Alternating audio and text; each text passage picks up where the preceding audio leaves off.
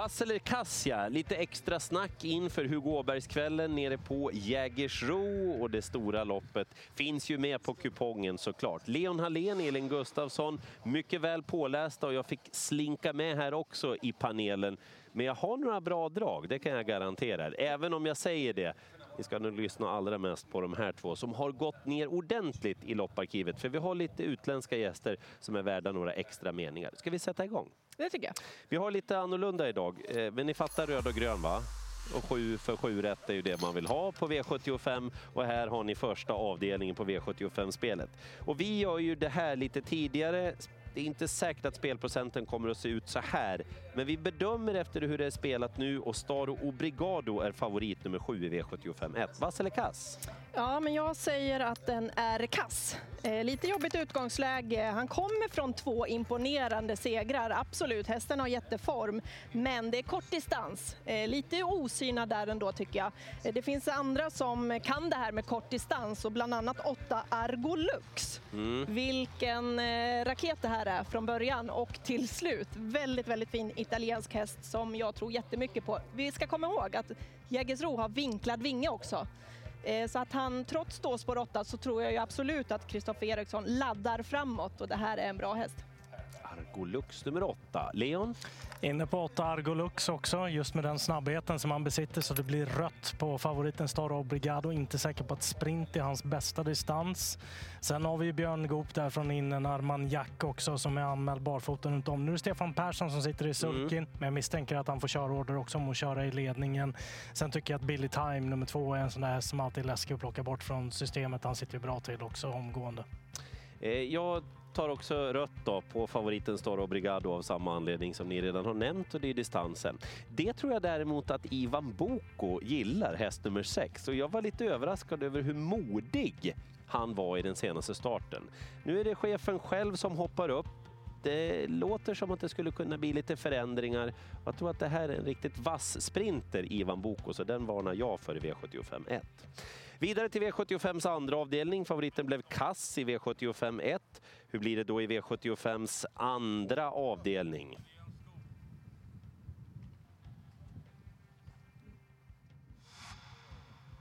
V75 2, där hästen att bedöma är ett Giardano Soa med Björn Goop.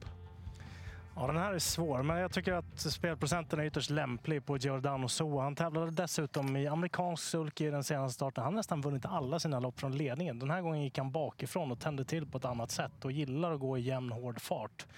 Bra läge för honom. Kan han hålla upp spets så är nog segermöjligheten god.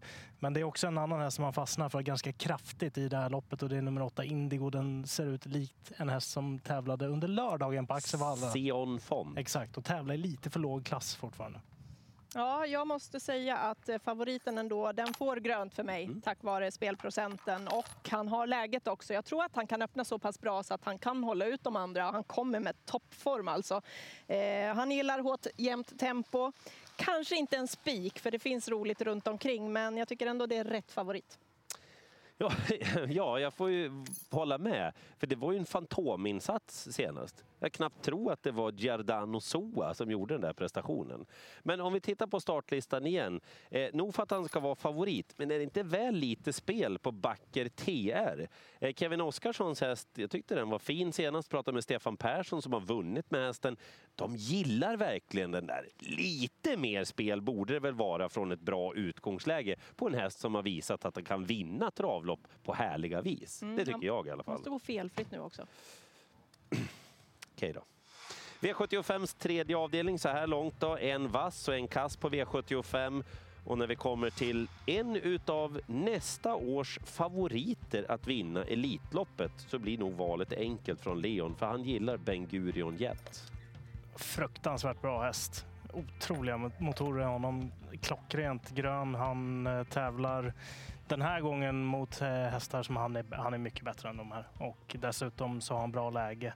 Det var lite tråkigt att King Sherman fick så dåligt spår för han var väl i princip den enda som kunde utmana lite grann förra gången de möttes. Men han blev också lämnad med diverse längder till slut. Så jag tror att Ben Gurion Jet har en mycket god möjlighet. Ja, det tycker jag också. Eh, jag har eh, imponerats sjukt mycket av den här hästen. Alltså. Vilket kraftfullt intryck han alltid kommer med när han vinner loppen och han vinner dem helt överlägset. Och, ja, det är en häst utöver det vanliga. Dessutom fick han ju ett bra utgångsläge här också så att han blir svår att slå. Han vann dessutom ett grupp 1-lopp i den senaste starten med ett virus i kroppen. Så inte ens sjukdom kan stoppa hästen? Nej, verkar inte så. Grön, och jag säger att, och det är inte negativt menat nu, det jag säger. Jag tycker han är lite otäck, ja. Han ser lite läskig ut nästan. Alltså han slår först och frågar sen. Eh, Ben Gurion Jet som just nu är fjärde hans favorit att vinna nästa års Elitlopp om ni går in på ATG.se. Det säger inte lite det. Eh, helgrönt på Ben Gurion Jet. Vi flyttar vidare till V75s fjärde avdelning. Här kommer startlistan och hästen att bedöma i den här finalen då. Colibri Jet mer Alessandro Gocciadoro. Nummer två är det nu. Ja, men han är väldigt mycket spelad. Det är treåringar det här. Det händer väldigt mycket eh, runt omkring dem och jag eh, ger honom rött tack vare att han är så mycket spelad. Det är en kanonhäst, jag har sett det. Men det händer mycket med många hästar här och nummer sex, Kur, Kuabalibre Jet jag har imponerats av hans avslutningar. Han hamnar en bit bak, han har haft lite jobbiga utgångslägen, men vilka avslutningar han levererar. Han är orutinerad, men ja, skulle de få till det lite grann? Jag tycker att det är en spännande häst. Kanske inte alla som har stenkoll på den här hästen heller. Spelprocenten är ju sjukt Ja, det är jättelågt ja. och då plockar jag gärna med en sån bra häst.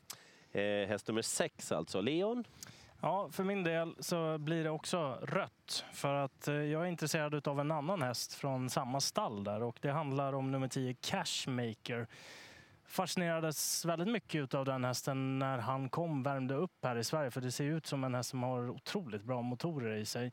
Nu är rapporteringen här att hästen har fått åka hem till Italien. Man tycker inte att han har presterat som bäst i Sverige tidigare. Fått komma hem, ladda om batterierna lite grann och förväntas vara bättre till den här starten.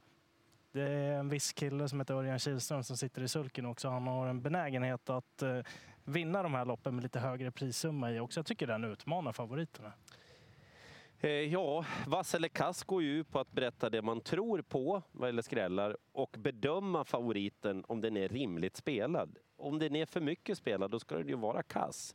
Och segerchansen ligger kanske någonstans runt 60 procent på kolibri. Så att, nej, den. Det blir ju rött då. Du ville köra? Ja, men jag vet inte riktigt hur han ska förlora loppet, Kolibriet, som han har sett ut och som han har uppträtt. Men, men spelprocenten är för hög och vi vet ju att en häst är bra. Det fick vi se under Elitloppshästen eh, helgen i Love You Too. Det där utgångsläget också i rygg på favoriten behöver inte vara helt knasigt. Han kommer att stiga lite i spelprocent, men det gör inte så mycket. Okej, nästa avdelning på V75-spelet. Det blev alltså kass på Kolibri men det har bara med spelprocenten att göra, inte hästen i sig. Eh, Rackham är hästen att bedöma i ett väldigt jämspelat lopp. Då kliver jag in här och eh, börjar med den röda. Jag är eh, riktigt imponerad av Emoji nummer 9, hans prestationer. Bortse från senaste insatsen, men han kan väldigt mycket den hästen och jag tror han är kapabel nog till att runda de här hästarna. Så jag hoppas att det är han som vinner. glad mm. gubbe på Emoji. Rackham lite långt ut bakom bilen. Han var sådär senast. Han behövde det loppet. Han kommer säkert vara lite bättre nu. Men jag är också helt inne på nummer nio, Emojo. Han blev för laddad och galoppen kom. Men oj, vilka starka avslutningar han kan komma med. Och jag tror att det är bra med det här bakspåret också. Eh, då kommer han gå iväg felfritt. Eh, jag tycker inte att Rackham ska vara favorit. Däremot har han chans att vinna loppet. Det blir rött. Jag eh, tycker att Kobbys Olifant är värd att varna för. Lite tidigare pratade jag med Thomas Urberg. Han har ändrat en hel del i sitt stall och resultaten har inte låtit vänta på sig. Det är en klar nivåhöjning på hela Urbergs stall. Resultaten är jämna. 1, 2, 3, 1, 2, 3 mest hela tiden. Härliga ändringar dessutom på Kobbys Olifant och perfekt läge. Mm. Vi eh, tittar lite på Top 7 också och där är det ju just nu när vi gör det här väldigt jämnt spelat. Rackham är favorit. Ni fattar att jag tar med Kobbys Olifant och Emoji blir det för Leon och Elin. Ja, Emoji, helt klart. Mm. Då så. tar vi V75s sjätte avdelning och flyttar dit. Hästen att bedöma just nu då som, ja, titta i Hugo Åbergs mål. Who's Who är favorit just nu. Oj, ja, jag trodde det skulle vara Verry Kronos som var favorit. Ja. Eh, rött på Who's Who. Spännande att se honom på den här korta distansen. Det har vi inte fått göra. Han har ett bra utgångsläge och det gäller att ha bra utgångsläge just i det här loppet. Det är 1609 meter och det, det är verkligen viktigt att vara med där framme. Svårt att ta längder. Två Verry Kronos. Jag tror att det är han som vinner det här loppet eh, från ledning från start till mål. Då gör jag så. Det hon sa, säger jag också. Okej, och då gör jag också så på Who's Who nummer ett. Jag tror att Verry Kronos kommer till ledningen. Jag tror att han har väldigt god chans att vin- vinna loppet. Men Al Raya One nummer sju är också väldigt spännande. Där säger man huvudmålet är jubileumspokalen och då måste man vara riktigt bra för att kunna vara med och hugga mot de hästarna. Han kommer få göra jobbet. Man säger att det är samma kvalitet på den här hästen som det var på Beppi B. Al-Raja One, Maharaja-sonen. Det blir lite kul, det blir ett Maharaja-möte med Who's Who där. Mm. Okej, vi tar den sista avdelningen och som vanligt sista avdelningen på V75 den här kvällen brukar vara ett härligt lopp. Inget undantag här. Flera tillägg då och en av årets stora kometer, Wild Love, är favorit att bedöma. Nu kommer det att göra ont här för alla tre tror jag. Mm. Ja, hon såg fantastiskt fin ut eh, senast. Men det finns väldigt spännande hästar i det här loppet. Hon får rött. Eh, jag tycker väl att hon behöver ha lite hjälp under resans gång om det ska gå. MT Oscar spännande från ledningen om den positionen nås. Mr Donald nummer ett, eh, också en häst som har tänt till lite grann. Gillar den som skräll. Och sen noterade jag att Reckless nummer nio var anmäld barfota runt om för första gången någonsin i Sverige. Om det står sig så är det spännande. Väldigt intressant. Wild Love får också, och det gör ont, hon får rött för mig också. Det, det gäller att man får till det därifrån också. Hon är i fin form igen. Jag tror att tre MT Oscar, som tyvärr då blev diskvalificerad för en trång situation senast som etta i mål. Jag tror han är revanschsugen och eh, jag tror han sitter i ledningen och blir svårfångad därifrån. Ja, ja, hon blir ju röd, Wild Love. Eh, och jag nämner Upset Face. Tror han har haft god nytta av att möta typ världseliten nu. Eh, så att det blir min spaning i den sista avdelningen. Jätteskräll som avslutar. Kanske. Vi tittar på sammanfattningen av V75 då. Två vassa, Giardano Soa och Ben Gurion Jet V75 tisdag, Malmö Jägersro.